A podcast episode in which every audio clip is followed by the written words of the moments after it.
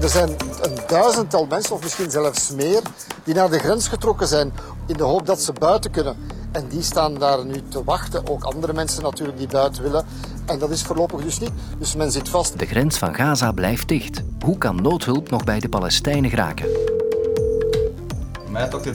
Hebben jullie al eens een teleconsultatie bij de huisarts gedaan? Nee. Nee, wat is dat? Dat maar vroeg mij ook af. Moet je daarvoor Ik betalen? denk dat wel. De do's en de don'ts van een teleconsultatie bij de dokter. In Polen lijkt er een machtswissel op komst. Tenminste, als we de exit polls mogen geloven. Polen was de afgelopen acht jaar een dwarsligger in de Europese Unie. Gaat Polen pro-Europees worden? En het einde van een tijdperk in Polen. Gaan we nu een ander land te zien krijgen? Een kwartier van je tijd, dat is alles wat ik vraag van je vandaag. Ik ben Lode Roels, welkom.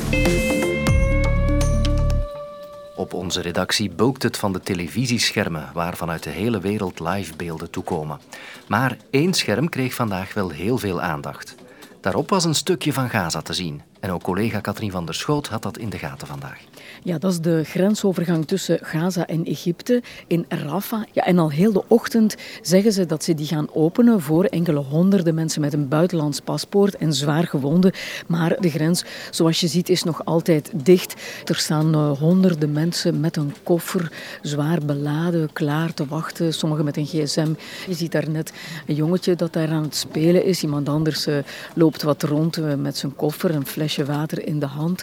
Aan de andere kant van die grens staan dan weer hulpkolonnes te wachten om Gaza binnen te mogen. Maar dat wordt allemaal een diplomatiek spel, een diplomatiek steekspel zeg maar, van de komende uren. Of dat zal mogen of niet. En toen deze podcast online ging, waren de poorten nog altijd niet opengegaan. De grens bleef dus dicht. Het binnenbrengen van hulpgoederen is nogthans belangrijk, want de nood is hoog. De Wereldgezondheidsorganisatie WHO waarschuwt dat het gezondheidssysteem in de Gazastrook op instorten staat. Relief and entry of essential supplies into Gaza must be facilitated. We have no electricity now in hospitals, and we are relying on standby generators consuming a lot of fuels. These stocks will finish together with food and water. We are facing complete isolation. Two million residents are in complete blackout and cut off from the world. As I speak with you, Gaza is running out of water and uh, electricity, and it seems that the world right now has lost uh, its humanity. Honderdduizenden mensen zijn op de vlucht en de voorraden van zowat alles raken stilaan op. Belinda Torres Leclerc werkt voor Oxfam, een van de internationale hulporganisaties die actief zijn in Gaza. Ja, de situatie is uh, catastrofaal. Wij horen van onze collega's, als we ze al horen, uh, want ze hebben natuurlijk niet altijd elektriciteit, horen wij heel erge tafereelen. Um, mensen moeten vluchten, oudere mensen, mensen met een handicap die het uh, heel moeilijk hebben om te vluchten, smeken eigenlijk aan de weinige auto's die er zijn die benzine hebben om hen mee te pakken. En dat lukt natuurlijk niet als die auto's vol zitten. Er is ook uh, heel weinig voedsel, heel weinig water. Uh, dus de mensen moeten ransoneren. Het is ook heel koud s'nachts. En de collega's of de mensen die zijn moeten vluchten hebben niet altijd genoeg kunnen meepakken om zich s'nachts te verwarmen. Mensen zijn getraumatiseerd, horen bombardementen, kinderen huilen. En voor onze collega's die moeders zijn, zijn dat de hartverscheurende tafereelen. Wat uh, hulpgoederen en hulpverlening betreft, wat zijn de grootste noden daar nu? Wij horen van onze collega's dat de grootste noden um, voedsel en water zijn. Dus ze hebben een groot gebrek aan drinkbaar water. Ze gaan eigenlijk zelfs zo ver dat ze nu alleen water drinken die helemaal niet drinkbaar is. Dus um, die ze vinden in... Uh, ja, op plekken waar dat er stilstaand water is, dat natuurlijk heel ongezond is, maar ze kunnen niet anders. Um, ook uh, dekens en uh, kledij voor s'nachts zich warm te houden. En voedsel is ook een heel groot gebrek aan benzine en elektriciteit. Ja, de ziekenhuizen, horen we, zouden ook stilvallen door een gebrek aan medicijnen en apparatuur? Ja, inderdaad. Daar is eigenlijk al een tekort aan, 16 jaar, zolang dat de blokkade al loopt in Gaza. Wij hebben in het verleden al medicijnen um, ingevoerd. We hebben dat uh, elke humanitaire oproep gedaan. Dus daar was sowieso al een groot tekort aan. En nu met de bombardementen is dat nog veel groter geworden. Ja.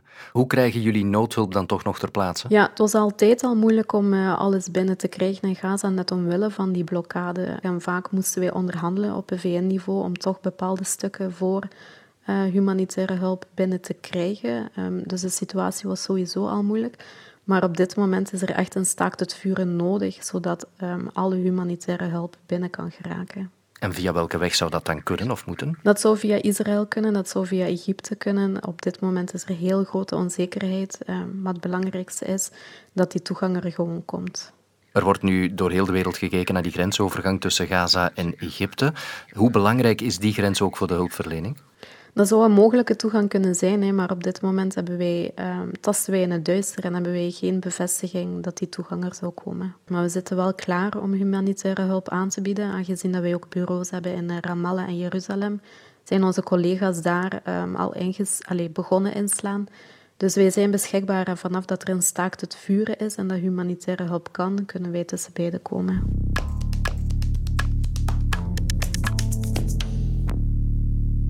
Ik heb vanmorgen even met mijn huisartsenpraktijk gebeld.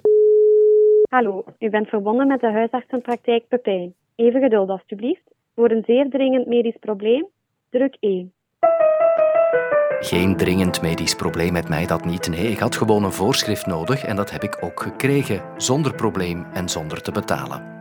Maar als ik advies zou willen krijgen over een aanhoudend hoestje of een rare rode plek op mijn kuit, ik zeg maar wat, dan moet ik daar tegenwoordig wel voor betalen. Want dat heet een teleconsultatie. Met dokter Degen? Ja, eh, een bloeduitslag. Ik heb het hier bij me staan. Dat ziet er eigenlijk wel goed uit. Uw cholesterol was zo op de grens. Het systeem bestaat intussen een dik jaar en het blijkt een succes. Er zijn al bijna 6 miljoen van die teleconsultaties gebeurd. En de huisartsen zeggen dat het de werkdruk bij hen verlicht. Het haalt de werkdruk absoluut een beetje weg en het geeft ook de patiënten de mogelijkheid om alsnog gezien te worden. En dat is toch ook wel belangrijk, zodat je zorg niet moet uitstellen op het moment dat de zorg uh, zich aandient. Dit is dokter Jos van Hoof uit Lommel. Ja, goedemiddag. En ook hij is dus blij met die teleconsultaties. Maar wanneer kan het en wanneer kan het niet? En hoe weet een dokter via een telefoontje of een videocall wat er met mij aan de hand is? Ik heb mijn vragenlijstje klaar voor dokter Jos. 1. Wat is een teleconsultatie en wat niet? Een teleconsultatie is eigenlijk een consultatie die er is op eh, vraag van de patiënt na akkoord van de arts, die synchroon gebeurt. Dat betekent de arts lanceert een videoconsultatie of de arts neemt telefonisch contact of de patiënt neemt telefonisch contact en de arts antwoordt van het ogenblik dat hij bijvoorbeeld vragen krijgt via andere kanalen, eh, sms, dan is dat asynchroon en dan kan je dat niet eigenlijk onder de noemer teleconsultaties brengen. Als wij voorschriften klaarmaken zonder dat dat gepaard gaat met een ondervraging van de patiënt, dan wordt dat gezien als een advies. De rest is een teleconsultatie. 2. Hoe werkt dat dan? Moet ik A zeggen in de telefoon? A. A. Dus de meeste patiënten die telefoons bellen, die zeggen bijvoorbeeld, ja, ik heb klachten van hoofdpijn, koude rillingen, spierpijn, keelpijn, hangerig gevoel. Ja, wij weten momenteel wat er heerst onder de mensen. Het is vooral coronavirusinfecties. Ja, dan kan je zeggen, Vermoedelijk zal dit een uh, virale infectie zijn en uh, neem wat paracetamol om de symptomen een klein beetje te onderdrukken. Een beeldbelmoment is natuurlijk uh, nog waardevoller, omdat je dan ook de non-verbale communicatie mee hebt. Je kan in één oogopslag zien of die patiënt effectief er ziek uitziet, er bleek uitziet. Dus ook daar moet je toch wel de waarde van een, een beeldbelmoment hoger inschatten, denk ik, dan een telefonisch consult uh, op zich. En drie, hoe zit het met de betaling? Een videoraadpleging, daar is een honorarium voor voorzien van 24,21 euro. Telefonische raadpleging, is ook een specifiek honorarium voor, 10,90 euro. Patiënten die dus een voorkeurregeling hebben, dienen 1 euro remgeld te betalen en patiënten zonder voorkeurregeling 4 euro. Dus dat zijn natuurlijk uh, geen exuberante bedragen, maar het innen van die bedragen brengt natuurlijk heel wat administratie mee. Je moet dan al een speciale module hebben met bankcontact en met uh, Payconic en, en dergelijke. In de praktijk zegt de meerderheid van de artsen, laat dat remgeld uh, maar zitten. Ja, intens. En nu is zo de apotheose gekomen. Dit is Paulien Lambert van onze buitenlandredactie. ik ben ook al heel lang wakker. ik ben al heel veel dagen aan één stuk aan het werken. En wat Paulien uit haar slaap heeft gehouden, dat zijn de verkiezingen in Polen van afgelopen weekend. Die hebben een opmerkelijk resultaat opgeleverd, als we de exit polls mogen geloven. Ik denk zeker een kantelpunt. Want de rechtsconservatieve partij, die nu al acht jaar aan de macht is in het land, Recht en Rechtvaardigheid, of PiS in het Pools, heeft veel minder stemmen behaald dan verwacht. Het ziet er zelfs naar uit dat ze niet meer in de regering zullen zitten.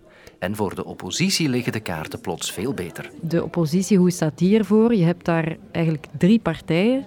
De grootste partij is die van Donald Tusk. Donald Tusk kennen we misschien wel nog als de vroegere voorzitter van de Europese Raad. Hij heeft een heel herkenbare stem. Wygrała Polska! Wygrała demokracja!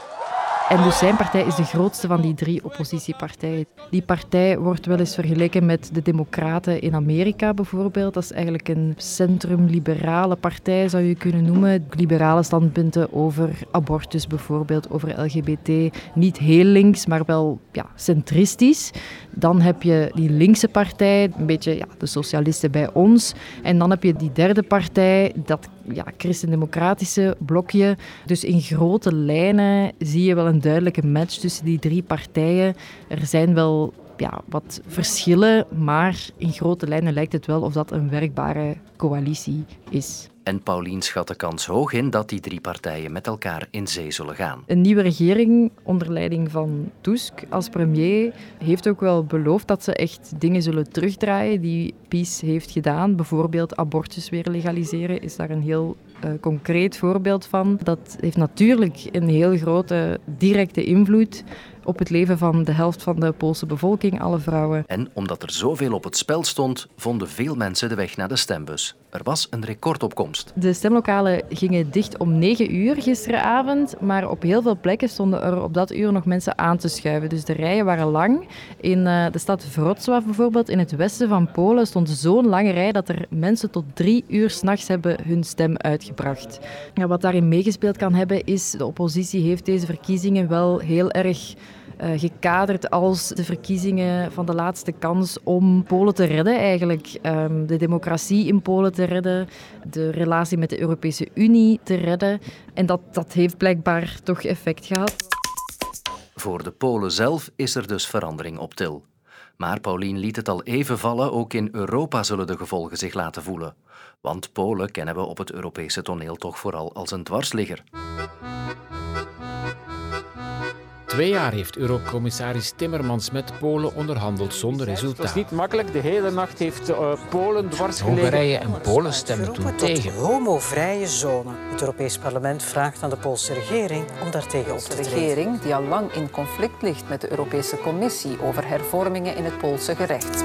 Zal Polen vanaf nu dan minder gaan tegenwerken? Uh, ik, ik, denk dat wel. Hè. Ik denk dat de, de, Europese kaarten inderdaad wel wat zullen hertekend worden. Hè. Professor Europese Politiek Hendrik Vos. Als het lukt om een andere coalitie te vormen rond dan wellicht Donald Tusk als premier, ja, dat is iemand die Europa van binnen en van buiten kent. Hè. Hij is Europees president geweest. Hij was de voorganger van Charles Michel. Dus ik denk dat in vele hoofdsteden men ook wel blij zal zijn. Hè.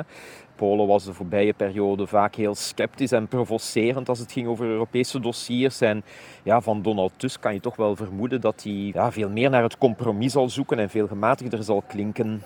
Je zag de voorbije jaren, als het ging over ja, respect voor de rechtsstaat, dat er in Hongarije wel een aantal dingen gebeurden die de wenkbrauwen deden fronsen. En in Polen ook. En ja, als er dan sprake was van het sanctioneren van landen, dan zag je dat die twee landen elkaar de hand boven het hoofd hielden. En je kan vermoeden dat dat nu dan veel minder zal gebeuren en dat Hongarije misschien wel wat meer geïsoleerd zal komen te staan. Hè. Als Polen weer een aantal uh, wetten en regels die de onafhankelijkheid van de media, van de rechterlijke macht uh, beperkt en als Polen die, die zaken terugschroeft, dan ja, dan is Hongarije misschien weer het enige land dat op dat vlak echt wel uh, ja, dingen doet die, die Europees niet door de beugel kunnen. Alhoewel dat je een beetje een slag om de arm moet houden, want in Slowakije heb je recent ook verkiezingen gehad en daar is toch ook wel iemand nu... Uh, ja, aan, aan de macht gekomen, Robert Fico, die, ja, die vaak toch ook wel wat op de lijn Orbán zit. Dus misschien kan Hongarije ja, bondgenoot Polen wel vervangen door bondgenoot Slowakije. Maar ja, Slowakije is toch niet het land met dezelfde kracht en uitstraling, met dezelfde ligging ook als Polen. Of hoe verkiezingen de kaarten in Europa dus plots grondig kunnen herschudden. Wat het nieuws morgen brengt, dat kunnen we niet voorspellen. Dat we er drie verhalen zullen uitpikken om tegen het licht te houden, dat staat wel al vast. Tot morgen. Luister ook naar Franks en Bilot, waarin Vincent Bilot en Rudy Franks de stand van de wereld opmaken. Nu in de app van VRT Max.